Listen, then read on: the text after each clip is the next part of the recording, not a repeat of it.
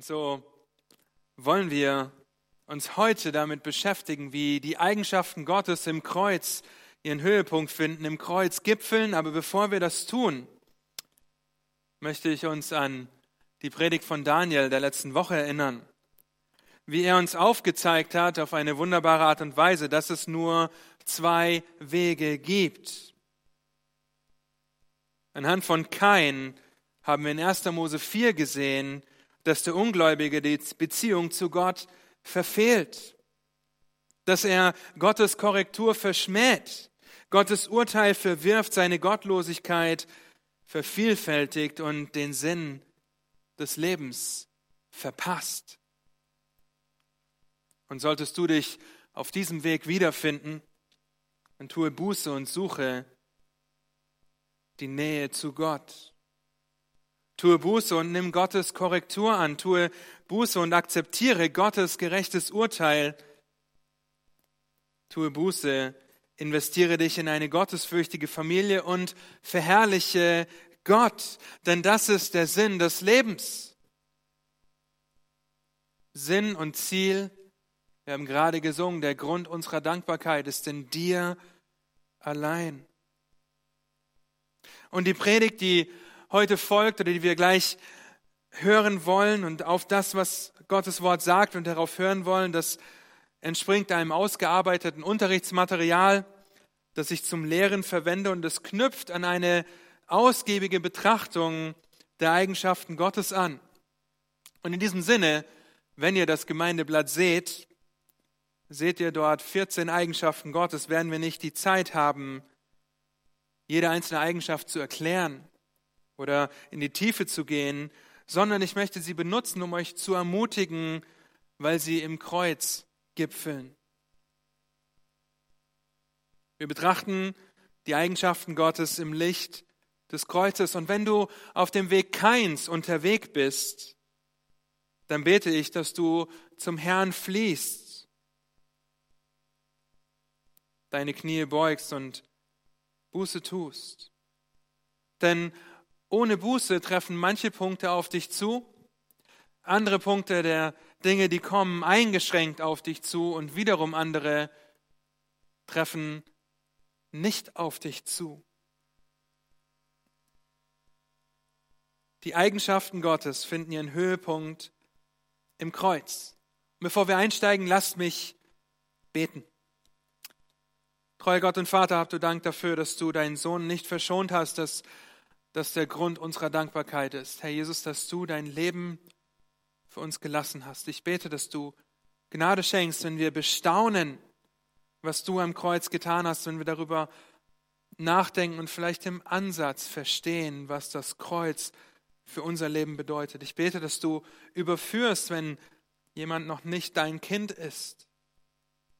Ja, dass du dein Wort gebrauchst wie ein scharfes und zweischneidiges Schwert, was es ist, um zu überführen, zu durchdringen. In dem Wissen, dass wir eines Tages Rechenschaft vor dir ablegen müssen, weil nichts vor dir verborgen ist. Und so gib du Gnade zum Reden, gib du Konzentration zum Hören und lass uns staunen über das, was du getan hast und wer du bist, Herr. Amen. Wenn du an Gottes Eigenschaften denkst, welche kommt dir als erstes in den Sinn? Vielleicht seine Souveränität in Zeiten von Corona, dass er trotzdem über allem steht? Oder seine Gnade, die er demonstriert, wenn er dir die Sünden vergibt, die dich so leicht umstricken? Vielleicht ist es auch sein Zorn, wenn du daran denkst, wie an dir gesündigt wird. Oder seine Barmherzigkeit, wenn du wieder darin versagt hast, barmherzig mit deinen Kindern zu sein. Vielleicht aber auch die grundsätzliche Angst vor Gott, weil du nicht sein Kind bist. Und seine Gerechtigkeit dazu führt, dass du nicht vor ihm bestehen kannst? Welche Eigenschaft hat dich die letzte Woche beschäftigt, wenn du über Gott nachgedacht hast, wenn du sein Wort gelesen hast. Und all diese Eigenschaften lassen uns zurückblicken auf das Kreuz. was Gott dort demonstriert hat. Wir blicken auf das Kreuz zurück und nach vorne auf die Herrlichkeit, die ein Kind Gottes, die uns erwartet. Und heute werde ich viele Eigenschaften mit euch betrachten und überfliegen und uns zeigen, wie sie im Kreuz gipfeln, warum das Kreuz der Dreh- und Angelpunkt, der Gipfel der Geschichte und die größte Demonstration der Eigenschaften Gottes ist. Vor allem im Licht des Kreuzes, wo unser Herr Jesus Christus sich für uns hingegeben hat. In dem Kreuz finden die Eigenschaften Gottes ihren Höhepunkt. Und wenn wir darüber nachdenken und mit dem Kreuz im Zentrum leben, dann verstehen wir vielleicht im Ansatz, was das bedeutet. Und wir leben mit dem Kreuz im Zentrum. Wir leben nicht mehr mit der Stiftshütte oder dem Tempel im Zentrum. Die Israeliten, sie durften nicht in das Allerheiligste. Wir sehen das Allerheiligste im Tempel von oben nach unten aufgerissen oder aufgedeckt, weil der Vorhang am Kreuz, äh, im Tempel von oben nach unten zerrissen wurde, als Christus am Kreuz gestorben ist. Der hohe Priester durfte einmal nach ausgiebiger, Reinig nach ausgiebiger, nach ausgiebiger Reinigung in das Allerheiligste einmal im Jahr, um die Bundeslade mit Blut zu besprengen. Wir kommen von Sünden, mit von Sünden verschmutzten Kleidern zum Kreuz, an dem Gott uns mit seinem Blut besprengt und reinigt. Die Leviten und das Volk Israel haben die Heiligkeit und die Größe Gottes wie durch ein Milchglas gesehen. Wir sehen die volle Größe Gottes am Kreuz, wenngleich wir sie auch nur im minimalen Ansatz verstehen.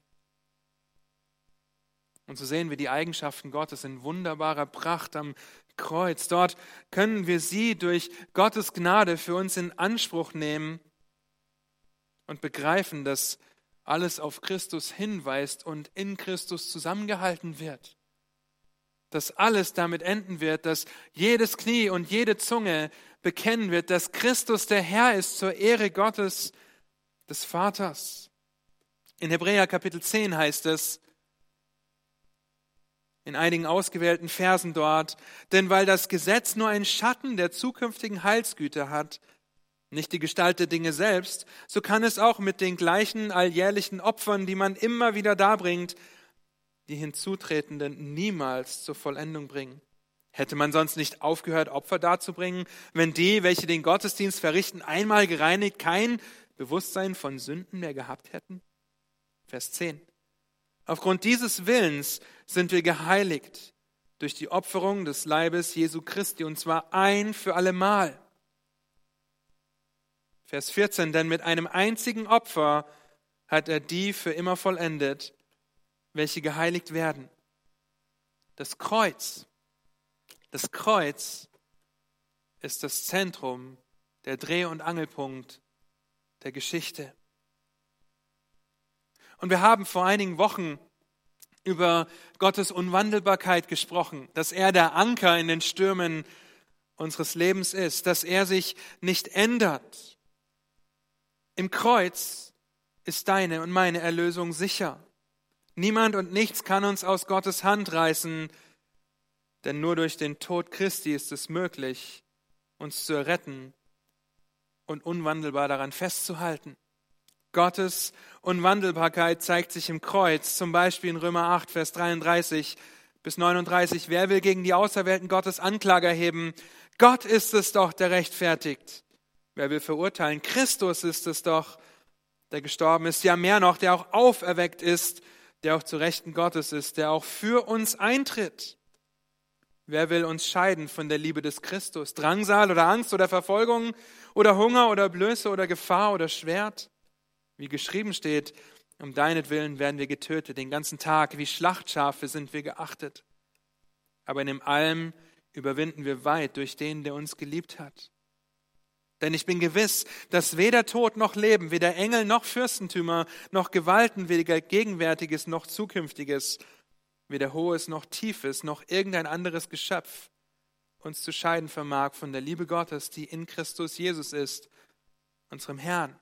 Unser Herr, der für uns gestorben und auferstanden ist, der die Unwandelbarkeit Gottes so deutlich macht, weil wir nicht aus seiner Hand gerissen werden können, nicht aufgrund unserer Werke, nicht aufgrund unserer anhaltenden Sünde, die wir nach wie vor tun, weil wir in einer gefallenen Welt leben, unser sündiges Fleisch noch mit uns herumschleppen. Im Kreuz zeigt sich Gottes Unwandelbarkeit. Im Kreuz zeigt sich Gottes Unwandelbarkeit aber auch für dich, wenn du kein Kind Gottes bist. Weil nur im Kreuz kannst du und wirst du niemals aus der Hand Gottes gerissen. Anders bist du nie in der Hand Gottes, außer durch das Kreuz. Gottes Unendlichkeit sehen wir demonstriert im Kreuz. Gott ist unendlich, ohne Anfang und ohne Ende. Und in seiner Unendlichkeit hat Gott festgelegt für uns, für dich, für mich, zu sterben, den Schlüssel des Totenreichs zu haben und zu retten. In seiner Unendlichkeit hat Gott diesen Plan festgelegt und entscheidet, dass er im Kreuz gipfelt. Hört darauf, was Gottes Wort sagt. Psalm 25, Vers 6. Gedenke, Jahwe, an deine Barmherzigkeit und deine Gnade, die von Ewigkeit her sind. Er ist von Ewigkeit her gnädig und barmherzig, kann diese Gnade und Barmherzigkeit aber nur demonstrieren, indem Christus für uns am Kreuz stirbt. Offenbarung 1, Vers 17 und 18 heißt es, fürchte dich nicht. Ich bin der Erste und der Letzte und der Lebende. Und ich war tot und siehe, ich lebe von Ewigkeit zu Ewigkeit. Amen. Und ich habe die Schlüssel des Totenreiches und des Todes. Christus ist gestorben. In seiner Unendlichkeit hat er vorher in Ewigkeit gelebt und wird in Ewigkeit leben. Er ist unendlich. In seiner Unendlichkeit hat er diesen Plan festgelegt. Und in seiner Unendlichkeit trifft das auch auf dich zu, wenn du nicht sein Kind bist. Wir sehen aber nicht nur seine Unwandelbarkeit und Unendlichkeit, sondern auch seine Selbstexistenz. Gott ist ein selbstexistierender Gott. Er benötigt nichts außerhalb seiner selbst, so wie wir Luft zum Atmen brauchen, Essen und Trinken, um zu überleben. Gott braucht das nicht. Aber wie findet Gottes Selbstexistenz ihre Darstellung, ihren Höhepunkt, ihren Gipfel im Kreuz? Wie ist das möglich? Nun, wenn Gott selbstexistent ist, dann kann nur Gott Gottes Eifersucht stillen, kann nur Gott Gottes Zorn stillen, kann nur Gott Gerechtigkeit erwirken, um vor Gott bestehen zu können. Wäre Gott nicht selbst existent und in sich selbst genug, könnten wir durch Anstrengungen versuchen, uns selbst zu retten, weil Gott abhängig ist von etwas außerhalb seiner selbst. Aber nur Gott kann diese Erlösung schaffen, weil er nichts außerhalb von sich selbst benötigt. Wäre das der Fall, dann bräuchten wir das Kreuz nicht und könnten durch Einhalten des Gesetzes selbstständig zu Gott nahen. Aber in dem Kreuz gibt der selbst existierende Gott sich selbst die Ehre, indem er für sich selbst stirbt. Römer 3, Vers 23 bis 26, dort heißt es, denn alle haben gesündigt und verfehlen die Herrlichkeit, die sie vor Gott haben sollten. Du und ich, wir verfehlen die Herrlichkeit, vor einem selbstexistenten Gott zu bestehen. Vers 24, sodass sie ohne Verdienst gerechtfertigt werden durch seine Gnade aufgrund der Erlösung, die in Christus Jesus ist. Ihn hat Gott zum Sühnopfer bestimmt, das wirksam wird durch den Glauben an sein Blut, um seine Gerechtigkeit zu erweisen, weil er die Sünden ungestraft ließ, die zuvor geschehen waren. Als Gott Zurückhaltung übte, um seine Gerechtigkeit in der jetzigen Zeit zu erweisen, damit er selbst gerecht sei und zugleich den rechtfertigte, der aus dem Glauben an Jesus ist. Nur im Kreuz, nur durch Jesu Tod am Kreuz, durch sein stellvertretendes Sühnopfer am Kreuz, hat der selbstexistente, der selbstgenügsame Gott, der selbstgenugsame Gott, dir die Möglichkeit gegeben, zu ihm zu kommen. Galater 2, Vers 19 und 20. Nun bin ich aber durch das Gesetz, dem Gesetz gestorben, um für Gott zu leben. Ich bin mit Christus gekreuzigt. Und nun lebe ich, aber nicht mehr ich selbst, sondern Christus lebt in mir. Was ich jetzt aber im Fleisch lebe, das lebe ich im Glauben an den Sohn Gottes, der mich geliebt und sich selbst für mich hingegeben hat. Ich verwerfe die Gnade Gottes nicht, denn wenn durch das Gesetz Gerechtigkeit kommt, so ist Christus vergeblich gestorben. Vielleicht kennst du das Lied Sein Kleid für meins, wo es im Refrain heißt, Gott von Gott verlassen. Im Kreuz stirbt Gott für Gott und zeigt uns somit auf, dass nur er in sich selbst, in seiner Selbstexistenz, in der Selbstgenugsamkeit die Möglichkeit hat, dir Gemeinschaft mit ihm zu ermöglichen. Gottes Allgegenwart. Gott ist im Kreuz da. Wenngleich es der einzige Ort und Christus die einzige Person ist, die von Gott verlassen war. Das bedeutet aber nicht, dass Gott in diesem Moment weniger gegenwärtig war. Vielmehr ist es ein Beweis für Gottes Allgegenwart. Er sieht das Kreuz, sieht die Sündenlast am Kreuz und wendet sich ab. Wendet sich ab, ohne seine Allgegenwart aufzugeben. Aufgrund des Kreuzes können wir uns in der Allgegenwart Gottes freuen, weil wir wissen, dass er alles sieht. Wir wissen, dass er in seiner Allgegenwart gesehen hat, wie meine und deine Sündenlast, die gesamte Last der Sünde der Menschheit auf seinem Sohn gelastet hat. Matthäus 27, Vers 46, bekannte Worte. Und um die neunte Stunde rief Jesus mit lauter Stimme, Eli, Eli, lama sabachthani. Das heißt, mein Gott, mein Gott, warum hast du mich verlassen? Oder Kolosser 1, Vers 15 bis 20. Dieser ist das Ebenbild des unsichtbaren Gottes, der Erstgeborene, der bei alle Schöpfung ist. Denn in ihm ist alles erschaffen worden, was im Himmel und was auf Erden ist, das Sichtbare und das Unsichtbare, seines Throne oder Herrschaften oder Fürstentümer oder Gewalten. Alles ist durch ihn und für ihn geschaffen und er ist vor allem und alles hat seinen Bestand in ihm. Und er ist das Haupt des Leibes der Gemeinde. Er, der der Anfang ist, der Erstgeborene aus den Toten, damit er in allem der Erste sei. Denn es gefiel Gott, in ihm alle Fülle wohnen zu lassen und durch ihn alles mit sich selbst zu versöhnen, indem er Frieden machte durch das Blut seines Kreuzes, durch ihn, sowohl was auf Erden als auch was im Himmel ist. Lieben Gottes Allgegenwart zeigt sich im Kreuz, weil er dort deine und meine Sünde bezahlt, sieht, weil Christus dort deine und meine Sünde auf sich genommen hat, der Vater sich abwenden muss, weil er das sieht und Christus verlässt. Bis jetzt sind wir bei Eigenschaften Gottes, die Gott eher charakterisieren und aufzeigen, wer er ist und noch nicht das, was er unbedingt tut. Wir kommen da noch hin. Neben seiner Allgegenwart ist seine Allwissenheit nur ein logischer Schritt. Und es ist nur eine logische Konsequenz, dass seine Allwissenheit ebenfalls im Kreuz gipfelt. Denn wenn Gott allwissend ist, kennt er auch von Anfang an den Werdegang der Menschheit, kennt von Anfang an ihr Dasein, bevor sie überhaupt existierten. Das heißt, er wusste von Anfang an, dass Adam und Eva gegen ihn rebellieren und dem zweiten Ratgeber folgen würden. Er wusste von Anfang an, dass kein auf den zweiten Weg geht. Er wusste von Anfang an, dass es keinen anderen Ausweg aus diesem Dilemma gibt, außer seinen Sohn zu geben, der gehorsam bis zum Tod am Kreuz war.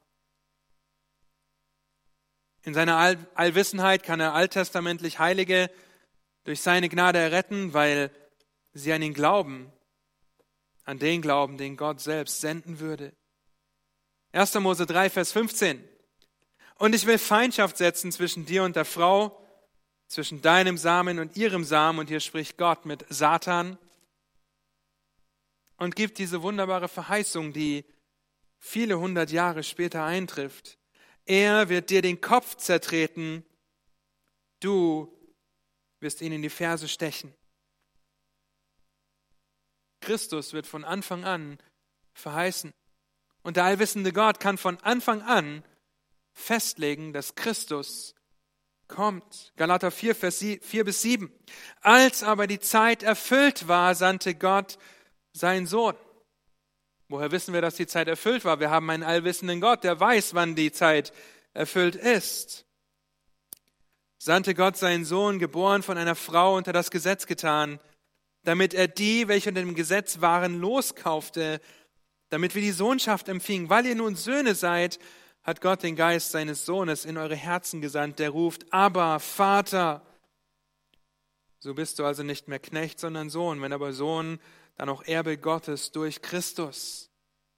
In seiner Allwissenheit von Anfang an wusste Gott, dass du eines Tages sein Kind bist, weil er dich erwählt hat, weil er dich erlöst hat, weil er von Anfang an die Zeit festgelegt hat, in der Christus am Kreuz für uns stirbt. Neben seiner Allwissenheit sehen wir aber auch seine Allmacht und Souveränität. Und das Kreuz zeigt das auf. Es ergänzt die Allwissenheit und die Allgegenwart. Ohne Gottes Allmacht wäre es unmöglich, einen Sieg über Sünde, Tod und Teufel zu erringen. Dort, wo Christus in die Ferse gestochen und er der Schlange, dem Teufel, den Kopf zertreten hat. Es ist unmöglich, einen allmächtigen Gott zu haben, der nicht in der Lage wäre, eine Lösung für die gefallene Welt auch in die Tat umzusetzen. Er setzt seinen Plan gewiss um, in seiner Souveränität garantiert um. Als Christus am Kreuz starb und am dritten Tag auferstand, war das die ultimative Präsentation seiner Allmacht und seiner Souveränität. Allein wenn ihr das Leben Jesu betrachtet, seht ihr das, wie oft die Pharisäer Jesus schon vorher umbringen wollten, wie oft das Volk schon vorher ihn umbringen wollte. Aber immer wieder lesen wir, die Zeit war noch nicht gekommen. In seiner Allmacht, seiner Allwissenheit und Allgegenwart weiß er, was der richtige Zeitpunkt ist und hat die Möglichkeit, das auch bereitzustellen. 1. Korinther 15, Vers 55 bis 58 heißt es, wenn aber dieses Verwesliche Unverweslichkeit anzieht, anziehen und diese sterbliche Unsterblichkeit anziehen wird, dann wird das Wort erfüllt werden, das geschrieben steht. Der Tod ist verschlungen im Sieg. Tod, wo ist dein Stachel? Totenreich, wo ist dein Sieg? Der Stachel des Todes aber ist die Sünde, die Kraft der Sünde ist aber das Gesetz. Gott aber sei Dank, der uns den Sieg gibt durch unseren Herrn Jesus Christus. Darum, meine geliebten Brüder, seid fest, unerschütterlich, nehmt immer zu in dem Werk des Herrn, weil ihr wisst, dass eure Arbeit nicht vergeblich ist im Herrn. Nun, hier redet es von der Verherrlichung, die wir erwarten, von der Verherrlichung, die vor uns liegt, wenn wir einen verherrlichten, sündlosen Leib bekommen. Aber warum ist das möglich? Vers 57. Durch unseren Herrn Jesus Christus. Ohne unseren Herrn Jesus Christus und seine Tat am Kreuz wäre nicht möglich, was hier steht. 2. Timotheus 1, Vers 9 und 10 heißt es, er hat uns ja errettet und berufen mit einem heiligen Ruf, nicht aufgrund unserer Werke, sondern aufgrund seines eigenen Vorsatzes und der Gnade, die uns in Christus Jesus vor ewigen Zeiten gegeben wurde, die jetzt aber offenbar geworden ist durch die Erscheinung unseres Retters Jesus Christus, der dem Tod die Macht genommen hat und Leben und Unvergänglichkeit ans Licht gebracht hat durch das Evangelium. Der lieben Gott demonstriert seine Allmacht Gott zeigt uns auf, dass es kein Wesen, kein existierendes Wesen gibt, das über ihm steht oder neben ihm steht. Niemand, den er um Erlaubnis bitten muss, was er tut. Niemand, dem er Rechenschaft ablegen muss über das, was er tut. Wir sehen, wie er im Kreuz das demonstriert und aufzeigt, wie er im Kreuz uns errettet nach seinem Vorsatz, aufgrund seines eigenen Vorsatzes.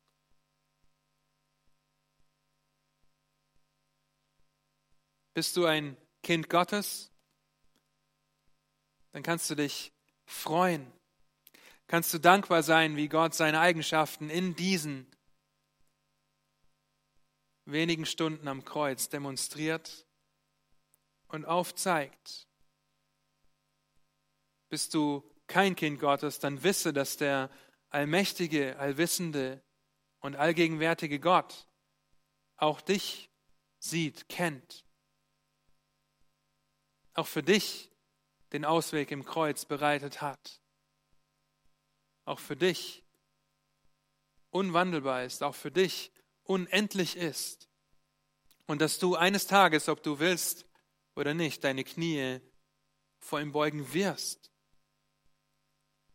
Nur wenn das der Fall ist, dann ist es zu spät. Und dann werden einige der folgenden Eigenschaften Gottes dich mit voller Härte treffen. Oder wenn du ein Kind Gottes bist, Christus mit voller Härte treffen. Und so lasst uns Eigenschaften anschauen, die Gott ausmachen. Seine Weisheit. In seiner Weisheit entscheidet Gott auch noch gut. Es war in Gottes Weisheit das Beste, seinen Sohn am Kreuz hinzugeben, damit wir einen Zugang zum Vater haben. Epheser 3, Vers 8 bis 13, dort heißt es, mir, dem Allergeringsten unter allen Heiligen, ist diese Gnade gegeben worden, unter den Heiden den unausforschlichen Reichtum des Christus zu verkündigen und alle darüber zu erleuchten, welches die Gemeinschaft ist, die als Geheimnis von Ewigkeit her in Gott verborgen war, der alles geschaffen hat durch Jesus Christus. Damit jetzt den Fürstentümern und Gewalten in den himmlischen Regionen durch die Gemeinde die mannigfaltige Weisheit Gottes bekannt gemacht werde, nach dem Vorsatz der Ewigkeit, den er gefasst hat in Christus Jesus unserem Herrn, indem wir die Freimütigkeit und den Zugang haben in Zuversicht durch den Glauben an ihn. Darum bitte ich, dass ihr nicht mutlos werdet wegen meiner Bedrängnis um euretwillen, die euch eine Ehre sind. Nun alles geschieht in Gottes Weisheit und so kann Paulus selbst von seinen Bedrängnissen schreiben und kann sie gebrauchen, um auf Gottes Ewigkeit hinzuweisen, auf das Evangelium hinzuweisen, auf Gottes Vorsatz hinzuweisen. Alles dient zum Lob der Herrlichkeit seiner Gnade.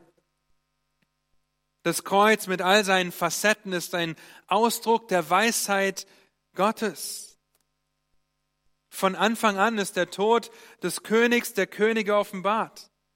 In seiner ewigen Weisheit hat er festgelegt, dass Christus am Kreuz für die Sünden der Welt sühnt, für dich sühnt, wenn du an ihn glaubst. Wenn du glaubst, dass er für deine Sünde gestorben und auferstanden ist und ihn als deinen Herrn bekennst. 1. Korinther 1, Vers 20 bis 24. Und wenn ihr nicht die Zeit habt, alle Stellen aufzublättern, dann ist das gar kein Problem. Die Möglichkeit, euch auf dem Gemeindeblatt die Verweise zu notieren und das später nachzulesen. Aber dort heißt in 1. Korinther 1, Vers 20 bis 24, wo ist der Weise? Wo der Schriftgelehrte, wo der Wortgewaltige dieser Weltzeit? Hat nicht Gott die Weisheit der Welt zur Torheit gemacht? Denn weil die Welt durch ihre Weisheit Gott in seiner Weisheit nicht erkannte, gefiel es Gott durch die Torheit der Verkündigung diejenigen zu erretten, die glaubten. Während nämlich Juden ein Zeichen fordern und Griechen Weisheit verlangen, verkündigen wir Christus als den Gekreuzigten. Den Juden ein Ärgernis, den Griechen eine Torheit. Denen aber, die berufen sind, sowohl Juden als auch Christus, als auch Griechen, verkündigen wir Christus, Gottes Kraft und Gottes Weisheit. Gott in seiner Weisheit gibt seinen Sohn, um für dich und für mich am Kreuz zu sterben. Epheser 1, Epheser 1, Vers 7 und 8, dort heißt es, in ihm haben wir die Erlösung durch sein Blut, die Vergebung der Übertretungen nach dem Reichtum seiner Gnade, die er uns überströmend widerfahren ließ in aller Weisheit und Einsicht. In seiner Weisheit entscheidet der allmächtige Gott gut, zum Besten und zu seiner Ehre. Und nicht nur seine Weisheit, auch seine Heiligkeit. Und seine Heiligkeit gipfelt im Kreuz. Dass Gott völlig abgesondert und endlich weit von der Sünde entfernt ist, zeigt sich im Kreuz, in der Dunkelheit, in dem Ausruf Christi, warum hast du mich verlassen?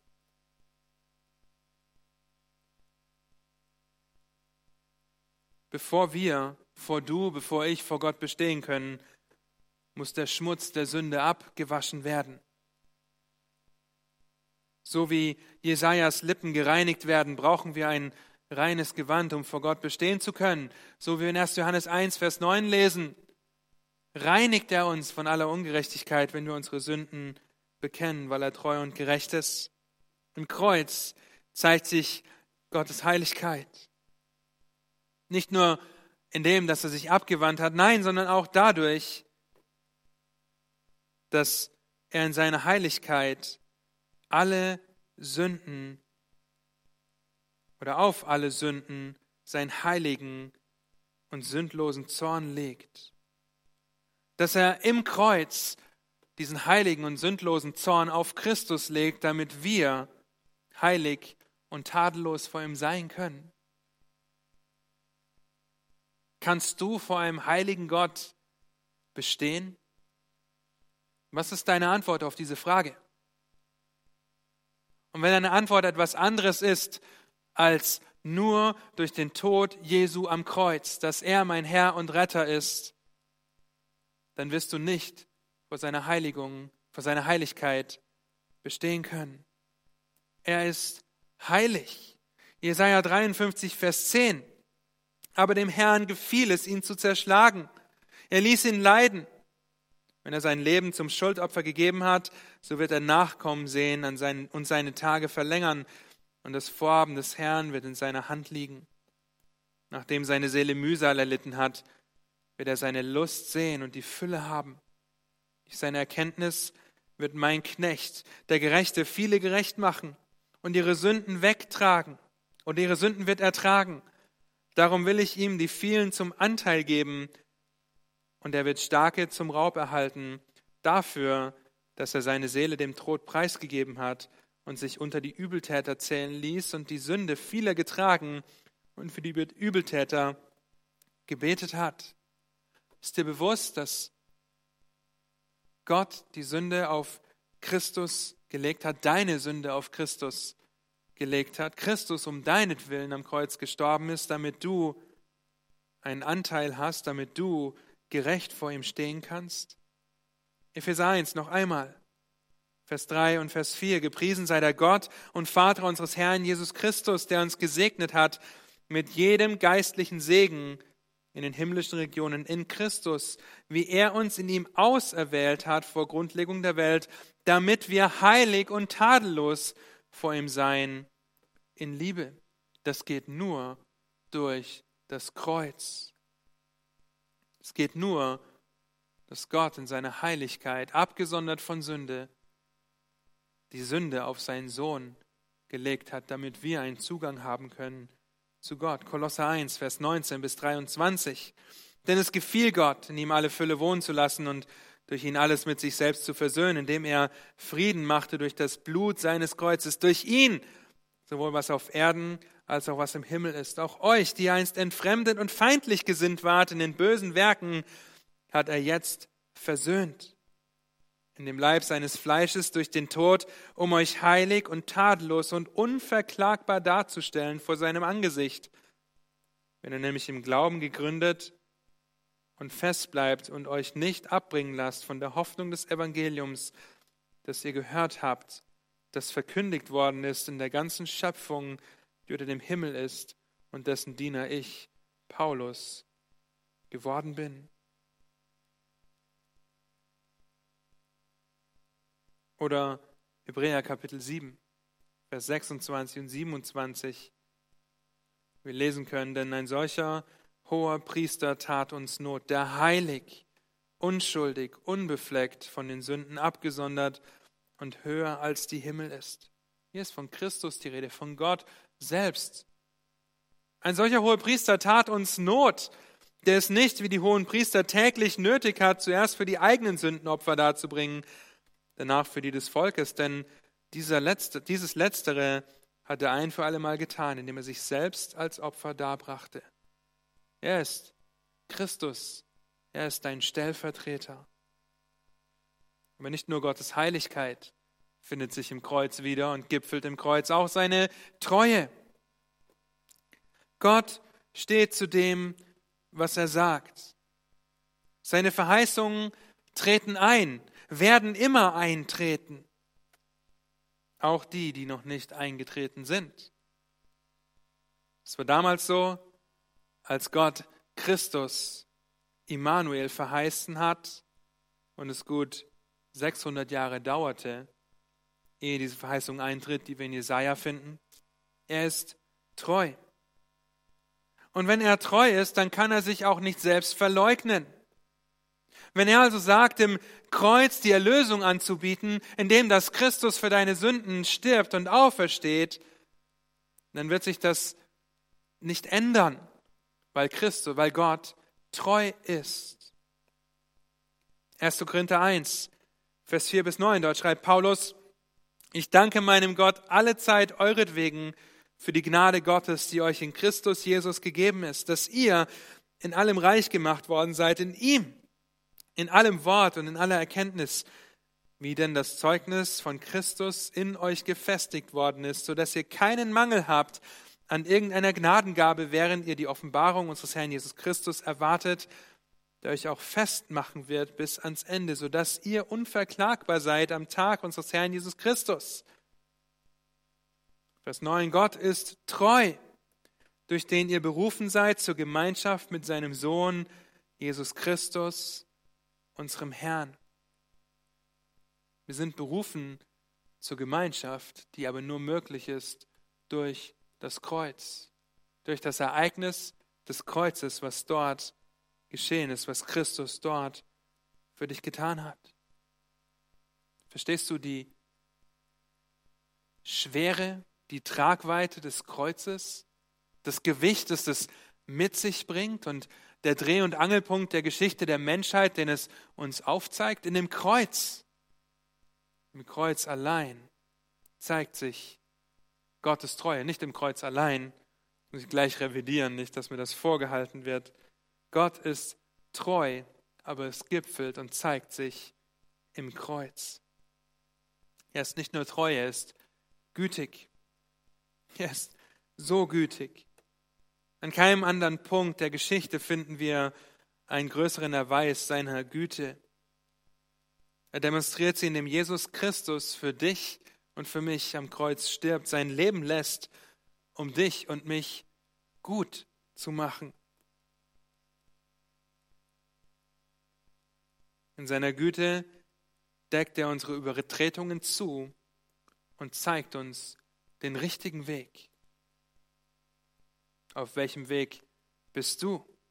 Auf dem Weg Keins, wie wir letzte Woche gehört haben, oder auf dem richtigen Weg, den Daniel uns ebenfalls aufgezeigt hat, der den Sinn des Lebens beinhaltet, weil Gott verherrlicht wird. Psalm 25, Vers 6 bis 8. Gedenke, Jahwe, an deine Barmherzigkeit und deine Gnade, von, die von Ewigkeit her sind. Gedenke nicht an die Sünden meiner Jugend und an meine Übertretungen, gedenke aber mich an mich nach deiner Gnade, um deiner Güte willen, o Herr. Der Herr ist gut und gerecht. Darum weist er die Sünder auf dem Weg. Dieser Psalm hätte nicht geschrieben werden können, würde das Kreuz nicht Tatsache sein. Römer 2, Vers 1 bis 4. Dort heißt es, darum bist du nicht zu entschuldigen, o oh Mensch, wer du auch seist, der du richtest, denn worin du den anderen richtest, verurteilst du dich selbst, denn du, der du richtest, verübst dasselbe. Wir wissen aber, dass das Gericht Gottes der Wahrheit entsprechend über die ergeht, welche so etwas verüben. Denkst du etwa, o oh Mensch, der du richtest, welche so etwas verüben und doch das gleiche und doch das gleiche tust, dass du dem Gericht Gottes entfliehen wirst, oder verachtest du den Reichtum seiner Güte, Geduld und Langmut und erkennst nicht, dass dich Gottes Güte zur Buße leitet? Gott überführt uns. Und dazu ist das Kreuz nötig, auf die Knie zu gehen, zu wissen, dass er für dich, für mich gestorben ist. Epheser 2, Vers 4 bis 10. Gott aber, der reich ist an Erbarmen, hat um seiner großen Liebe willen, mit der er uns geliebt hat, auch uns, die wir tot waren, durch die Übertretung mit dem Christus lebendig gemacht. Aus Gnade seid ihr errettet und hat uns mit auferweckt und mitversetzt in die himmlischen Regionen in Christus Jesus, damit er in der kommenden Weltzeit den überschwänglichen Reichtum seiner Gnade in Güte an uns erweise in Christus Jesus.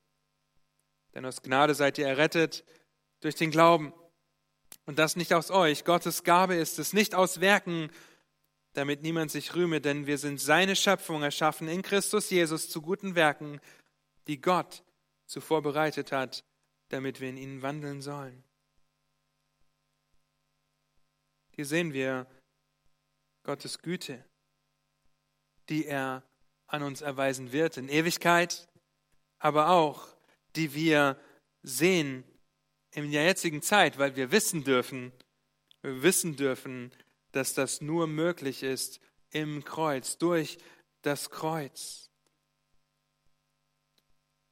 Eine Eigenschaft, die nicht fehlen darf und nicht fehlen kann, ist Gottes Liebe.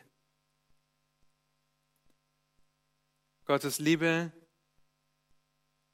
die sich in einem der wohl am meisten bekannten Verse deutlich macht, denn so sehr hat Gott die Welt geliebt, dass er seinen eigenen Sohn gab, damit jeder, der in ihn glaubt, nicht verloren geht, sondern ewiges Leben hat. Denn Gott hat seinen Sohn nicht in die Welt gesandt, damit er die Welt richte, sondern damit die Welt durch ihn gerettet werde.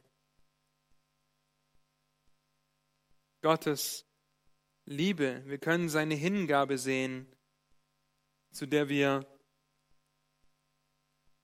flüchten müssen, wenn wir Vergebung unserer Sünden erlangen wollen. Wir können Gottes Liebe zu der Schöpfung sehen, wenn wir die Schöpfung betrachten, wie sie kreativ und bis ins Detail geplant ist und schön anzusehen ist. Aber das alles erblasst im Angesicht des Sohnes Gottes. Des Sohnes Gottes, der geopfert ist für uns, um Sünder zu Söhnen zu machen, Feinde zu Freunden, um vom Richter zum Retter zu werden. Wir finden Gottes Liebe nirgendwo schöner dargestellt als im Kreuz. Römer, 6, Römer 5, Vers 6 bis 8. Denn Christus ist als wir noch kraftlos waren, zur bestimmten Zeit für Gottlose gestorben. Nun stirbt kaum jemand für einen Gerechten, für einen Wohltäter entschließt sich, sich vielleicht jemand zu sterben. Gott aber beweist seine Liebe zu uns dadurch, dass Christus für uns gestorben ist, als wir noch Sünder waren. Gottes Liebe und das Kreuz Christi sind auch heute noch aktueller denn je. Gott beweist seine Liebe am Kreuz, auch heute noch. Glaubst du das? Oder denkst du, Gott ist die Liebe und er wird schon irgendwie dafür sorgen, dass ich in den Himmel einkehre, auch wenn ich nicht an seinen Sohn glaube? Jesus ist der einzige Weg, die einzige Wahrheit und das einzige Leben. Er ist, wie wir gerade gesungen haben, der Sinn des Lebens. Und es ist ein Ausdruck der Liebe Gottes, dass Christus am Kreuz für dich, für mich gestorben ist. Als wir noch Sünder waren, als wir Feinde waren, als wir kraftlos waren. 1. Timotheus 1, Vers 12 bis 17. Und darum danke ich dem, der mir Kraft verliehen hat, Christus Jesus, unserem Herrn, dass er mich treu erachtet und in den Dienst eingesetzt hat, der ich zuvor ein Lästerer und Verfolger und Frevler war. Aber mir ist Erbarmung widerfahren, weil ich es unwissend im Unglauben getan habe.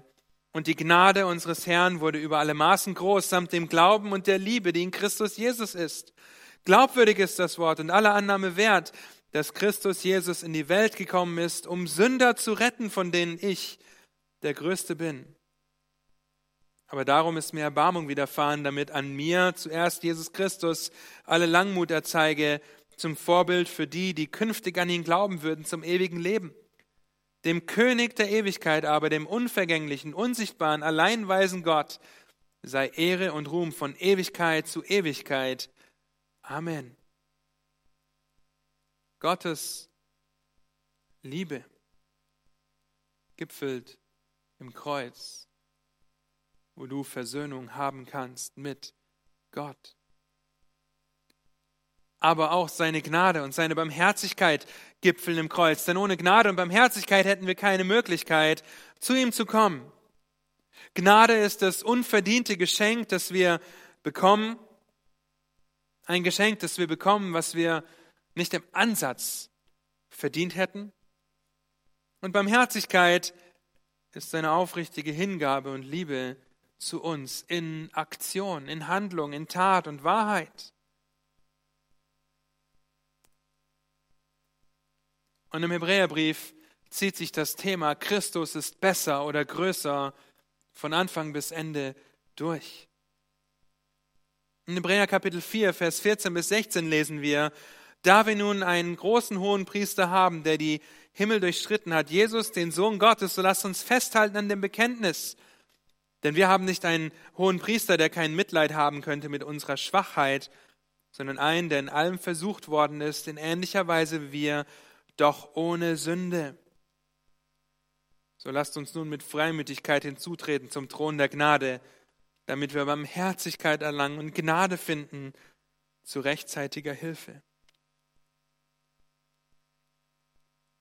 Und wenn wir einzig und allein auf der Grundlage der Gnade Gottes errettet werden können, wie es in Epheser 2 heißt, aus Gnade seid ihr errettet, dann muss Christus stellvertretend für dich sterben, damit du dieses unverdiente Geschenk in Anspruch nehmen kannst oder in Anspruch nehmen konntest.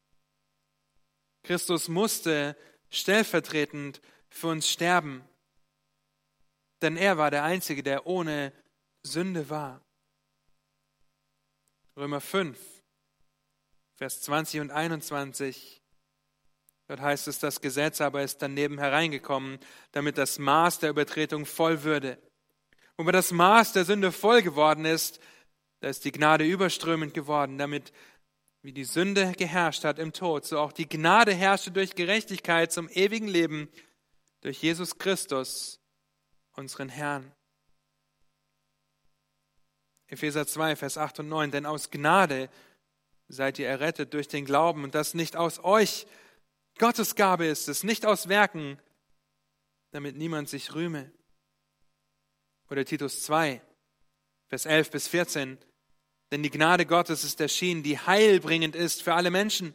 Sie nimmt uns in Zucht, damit wir die Gottlosigkeit und die weltlichen Begierden verleugnen und besonnen und gerecht und gottesfürchtig leben in der jetzigen Weltzeit, indem wir die glückselige Hoffnung erwarten und die Erscheinung der Herrlichkeit des großen Gottes unseres Herrn, äh, unseres Retters Jesus Christus, der sich selbst für uns hingegeben hat, um uns von aller Gesetzlosigkeit zu erlösen und für sich selbst ein Volk zum besonderen Eigentum zu reinigen, das eifrig ist, gute Werke zu tun. Ein Kapitel später, Titus 3, Vers 4 bis 7. Als aber die Freundlichkeit und Menschenliebe Gottes, unseres Retters, erschienen, da hat er uns, nicht um der Werke der Gerechtigkeit willen, die wir getan hätten, sondern aufgrund seiner Barmherzigkeit, errettet durch das Bad der Wiedergeburt und durch die Erneuerung des Heiligen Geistes, den er reichlich über uns ausgegossen hat, durch Jesus Christus, unseren Retter, damit wir durch seine Gnade gerechtfertigt, der Hoffnung gemäß Erben des ewigen Lebens würden. Er ist barmherzig. Er ist gnädig. Und seine Gnade und Barmherzigkeit gipfeln im Kreuz, weil du nur aufgrund dieser Tatsache Erbe des ewigen Lebens bist.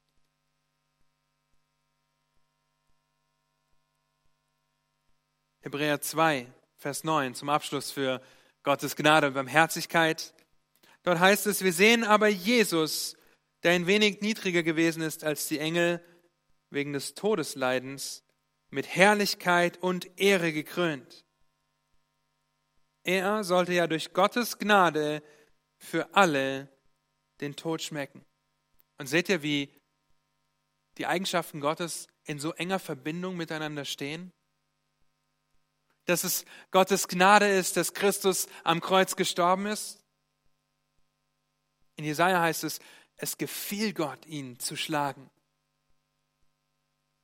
Es war in seiner Weisheit das beste und das einzige Mittel, durch seine Gnade einen Ausweg aus dem Dilemma der Sünde zu geben. Wenn du ein Kind Gottes bist, dann freue dich darüber, dass du einen gnädigen und barmherzigen Gott hast, der unwandelbar darin ist, gnädig und barmherzig zu sein. Wenn du kein Kind Gottes bist, weil du vielleicht zuschaust, weil deine Eltern das möchten, weil du zufällig über den Livestream gestolpert bist, nun, dann spürst du die Auswirkungen von Gottes Gnade und Barmherzigkeit am eigenen Leib. Die Sonne scheint, es regnet. Wir sehen Gottes allgemeine Gnade in dieser Schöpfung, wie er sie erhält, wie sie nicht in einzelne Bestandteile zerfällt, und wie er Dinge zulässt wie Corona, um darüber nachzudenken, was er getan hat, ob es mehr gibt als diese Schöpfung. Aber für dich wird seine Gnade und Barmherzigkeit am Tag deines Todes aufhören, weil er gerecht ist, weil er zornig ist, weil er heilig ist. Und wenn du dich nicht darin wiederfindest, dich über die Gnade Gottes zu freuen, was er in Christus für dich getan hast, dann bitte ich dich, Buße zu tun, die Knie zu gehen und zu erkennen, wie das Kreuz, der Dreh- und Angelpunkt auch deine Geschichte ist und sein kann. Gott ist gnädig und barmherzig. Er schenkt noch Zeit zur Umkehr. Und so bitte, Kehre um, denn Gottes Zorn und seine Gerechtigkeit sind ebenso Bestandteil seiner Eigenschaften wie seine Gnade, Barmherzigkeit und Liebe. Und Gottes Zorn ist real, er ist vorhanden, er ist da schon jetzt, wenn wir in die Schöpfung schauen, aber noch lange nicht in seinem vollen Ausmaß. Manchmal ist er der Gott, der Rache sehr zeitnah übt. Zum Beispiel Israel in der Wüste. Gott ist ein Gott, der gerecht ist, der zornig ist. Ein Gott, der Rache nehmen wird für das, was getan wurde, was Gott entehrt. Ob in Gedanken, in Taten oder in Worten. Erinnern wir uns an das Volk Israel, wie sie von Anfang an gemurrt haben, sich beschwert haben. Erinnern wir uns daran, als Mose auf dem Berg Sinai war und das Volk sich ein goldenes Kalb gegossen hat, es angebetet hat und der Zorn Gottes sehr schnell und deutlich sichtbar wurde, indem viele Israeliten gestorben sind. Erinnern wir uns an das Murren und Beschweren und dass Gott Schlangen schickt. Erinnern wir uns daran, wie Israel immer wieder gegen das rebelliert, was Gott tut und Gott relativ zeitnah seinen Zorn offenbart. Wie er zeitnah seine Gerechtigkeit durchsetzt, wie er aber auch immer wieder in diesen Situationen einen Ausweg bereithält, der auf das Kreuz hinweist. Denn nur dort ist es möglich, diesen Ausweg zu haben. Und manchmal wartest du vielleicht auf Gottes Zorn oder sehnst ihn dir herbei, weil dir Schreckliches angetan wurde. Denkst, es ist ungerecht, dass nichts unternommen wird.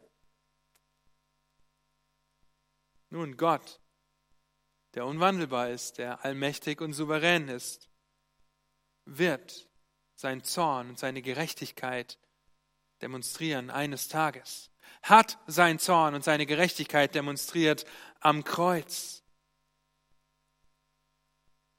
Und ultimativ und letztendlich können wir nicht davon ausgehen, dass jede Ungerechtigkeit und Sünde auf dieser Seite der Gegenwart, äh, der Herrlichkeit zur Verantwortung gezogen wird. Vergleich dazu Psalm 73. Aber jede Sünde und Ungerechtigkeit wird zur Verantwortung gezogen werden. Und es ist schrecklich, in die Hände eines lebendigen Gottes zu fallen. Es ist schrecklich, Gottes Zorn erwarten zu müssen, weil du kein Kind Gottes bist. Es ist schrecklich, Gottes Zorn zu erwarten, wenn du nicht erkennst, dass Gottes Zorn am Kreuz über Gott selbst, sein Sohn, ausgegossen wurde. Und vielleicht denkst du jetzt, es ist schrecklich, dass du mit diesen Eigenschaften aufhörst. Zorn und Gerechtigkeit. Nun, dein Zorn und seine Gerechtigkeit, auch sie finden ihren Gipfel im Kreuz. Selbst wenn wir in der Offenbarung den, das Ausgießen seines Zorns sehen und die schrecklichen Auswirkungen, lesen wir doch, dass im Kreuz Gottes ungezügelter Zorn und seine absolute Gerechtigkeit über Sünde auf Christus lag. Über alles, was Sünde ist. Und so heißt es in Johannes 3, Vers 36, wer an den Sohn glaubt, der hat das ewige Leben. Wer aber dem Sohn nicht glaubt, der wird das Leben nicht sehen, sondern der Zorn Gottes bleibt auf ihm. Glaubst du an den Sohn Gottes? So ist der Zorn Gottes von dir genommen, der damit verbunden ist, dass der Lohn der Sünde der Tod ist das ewige Getrenntsein von Gott. Römer 5, Vers 9 bis 11. Wie viel mehr nun werden wir, nachdem wir jetzt durch sein Blut gerechtfertigt worden sind, durch ihn vor dem Zorn errettet werden? Denn wenn wir mit Gott versöhnt worden sind durch den Tod seines Sohnes, als wir noch Feinde waren, wie viel mehr werden wir als Versöhnte gerettet werden durch sein Leben? Aber nicht nur das, sondern wir rühmen uns auch Gottes durch unseren Herrn Jesus Christus, durch den wir jetzt die Versöhnung empfangen haben. Gottes gerechter Zorn, das ist es, was du verdient hast. Das ist es, was jeden von uns erwartet, wenn es das Kreuz nicht gäbe. Aber durch sein Blut sind wir gerechtfertigt und vor dem Zorn errettet worden. 2. Korinther 5, Vers 21, denn er hat den, der von keiner Sünde wusste, für uns zur Sünde gemacht und Gott muss Sünde richten, damit wir in ihm zur Gerechtigkeit Gottes würden. Oder 1. Thessalonicher Vers, Kapitel 1, Vers 9 und 10, denn sie selbst erzählen von uns, welchen Eingang wir bei euch gefunden haben und wie ihr euch von den Götzen zu Gott bekehrt habt, um dem lebendigen und wahren Gott zu dienen und um seinen Sohn aus dem Himmel zu erwarten, den er aus den Toten auferweckt hat, der uns errettet vor dem zukünftigen Zorn. Du schaust zu und denkst dir, mir geht es gut, warum brauche ich Christus?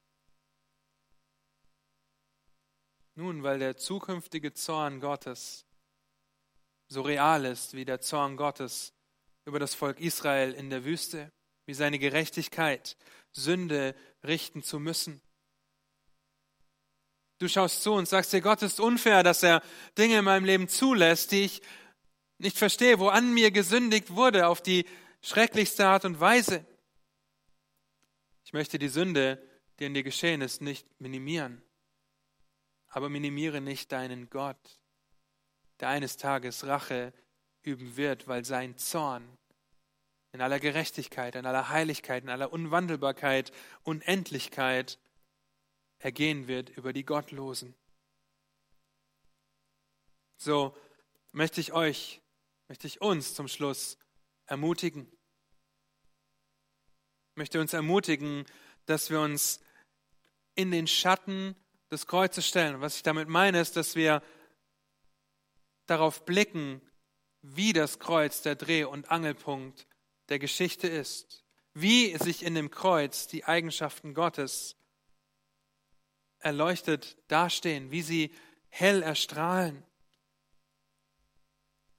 Und so stellen wir uns in den Schatten des Kreuzes und sehen Gottes Eigenschaften erhöht und erleuchtet. Lasst uns voller Ehrfurcht auf das Kreuz blicken, denn ohne Blutvergießen geschieht keine Vergebung. Bist du wie der Zöllner, der sich an die Brust klopft und sagt, sei mir Sünder gnädig? Und Gott wird gnädig sein. In seiner Herrlichkeit, der Summe seiner Eigenschaften, die sich am Kreuz zeigen. Stellen wir uns in den Schatten des Kreuzes und lernen, wer Gott ist. Denn das ist der Ort, an dem er seinen eigenen Sohn, an dem der Sohn Gottes für dich, für mich starb. Stellen wir uns in den Schatten des Kreuzes und lernen, Gott zu lieben. Er, der seinen Sohn nicht verschont hat, um deinetwillen. Er, der uns zuerst geliebt hat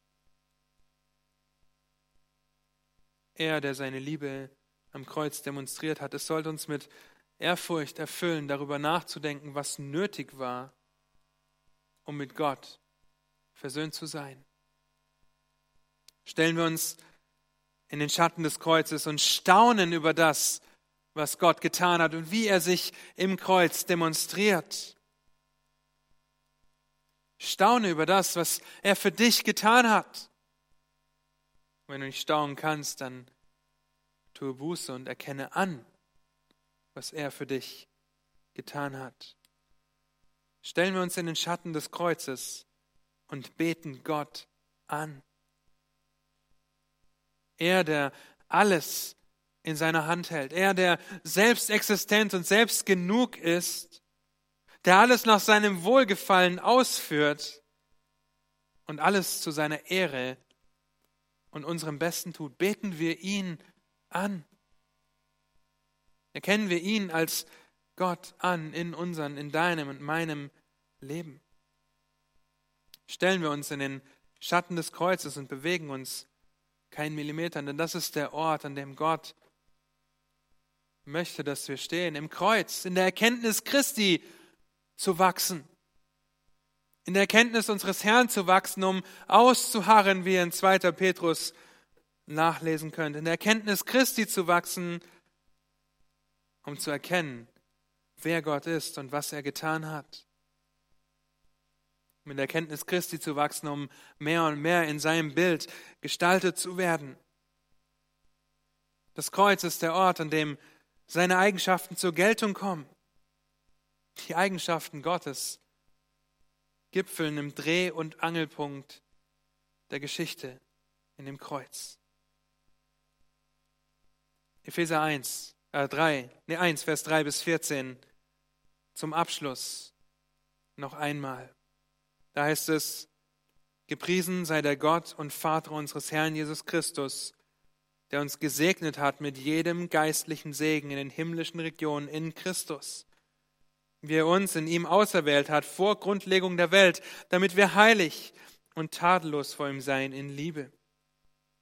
Er hat uns vorherbestimmt zur Sohnschaft für sich selbst durch Jesus Christus, nach dem Wohlgefallen seines Willens, zum Lob der Herrlichkeit seiner Gnade, mit der er uns begnadigt hat in dem Geliebten. In ihm haben wir die Erlösung durch sein Blut, die Vergebung der Übertretung nach dem Reichtum seiner Gnade, die uns überströmend widerfahren ließ in aller Weisheit und Einsicht. Er hat uns das Geheimnis seines Willens bekannt gemacht, entsprechend dem Ratschluss, den er nach seinem Wohlgefallen gefasst hat, in ihm zur Ausführung in der Fülle der Zeiten.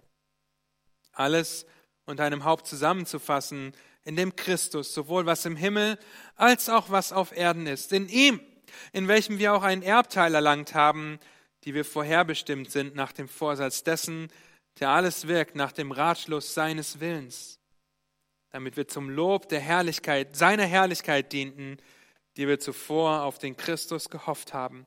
In ihm seid auch ihr, nachdem ihr das Wort der Wahrheit, das Evangelium eurer Rettung gehört habt, in ihm seid auch ihr, als ihr gläubig wurdet, versiegelt worden mit dem Heiligen Geist der Verheißung, der das Unterpfand unseres Erbes ist, bis zur Erlösung des Eigentums, zum Lob seiner Herrlichkeit. Was glaubst du? Ist das Kreuz auch dein Dreh- und Angelpunkt? Das, worauf du blickst, um Gott und seine Eigenschaften zu bestaunen, zu bewundern? Wenn das nicht der Fall ist, dann Tue Buße und erkenne, dass du tot bist in Übertretung deiner Sünden. Dass Gottes Gnade und Liebe nur temporär auf dich zutreffen. Dass Gott trotzdem unwandelbar ist, auch für dich. Dass er allgegenwärtig, allwissend, allmächtig ist, auch für dich. Dass er seinen Ratschluss zum Ende bringen wird. Auch den Ratschluss, den er für dich gefasst hat. Kehre um und tue Buße, beuge deine Knie vor dem, der am Kreuz für uns gestorben ist. Amen. Lasst mich beten. Herr, und wir sehen das Kreuz und nichts anderes müssen wir sehen, um zu erkennen, wo Erlösung ist, wo Vergebung ist, Versöhnung. Um zu erkennen, dass es keinen anderen Ort gibt, der Vergebung bringt. Keinen anderen Ort, wo der Preis für uns bezahlt ist, den du, Herr Jesus Christus, so teuer bezahlt hast durch dein Blut. Herr, wir kommen zum Kreuz und wir können kommen, wie wir sind, als Sünder, weil du für uns gestorben bist, Herr, und weil du uns gerechtfertigt hast, weil wir uns jetzt nicht mehr Sünder nennen müssen, sondern heilige Kinder Gottes, die aber nach wie vor in einer gefallenen Welt leben. Herr, und so schenk du Gnade, dass wir kommen dass wir auf das Kreuz blicken und das sehen, deine Gnade darin sehen, weil du für uns gestorben bist, weil du für uns gelitten hast, bezahlt hast, weil du dich erniedrigt hast und gehorsam warst bis zum Tod am Kreuz. Vater, hab du Dank, dass im Kreuz deine Eigenschaften zum Ausdruck kommen. Zum Kreuz deine Heiligkeit, deine dein Abgesondertsein von Sünde zum Ausdruck kommt, dass im Kreuz dein Zorn zum Ausdruck kommt, den du ausgegossen hast über deinen Sohn, damit wir durch deine Gnade und Barmherzigkeit, die sie ebenfalls im Kreuz zeigen, gerettet werden können vor diesem Zorn. Und so bete ich, dass du Gnade zur Errettung schenkst. Wenn wir dein Wort betrachtet haben, viele Verse gelesen haben, ja, dass du dein Wort gebrauchst, um zu überführen, um zu erforschen, um uns zu durchdringen, damit wir erkennen, dass wir eines Tages vor dir, vor dir, vor dir, vor dem nichts verborgen ist, Rechenschaft ablegen und wir heute schon wissen dürfen und feststellen können, ob wir auf das Kreuz blicken oder nicht. Und so bitte schenk du Errettung denjenigen, die zuschauen und das nicht glauben, Schenk du Ermutigung und Trost für deine Kinder, Herr. Amen.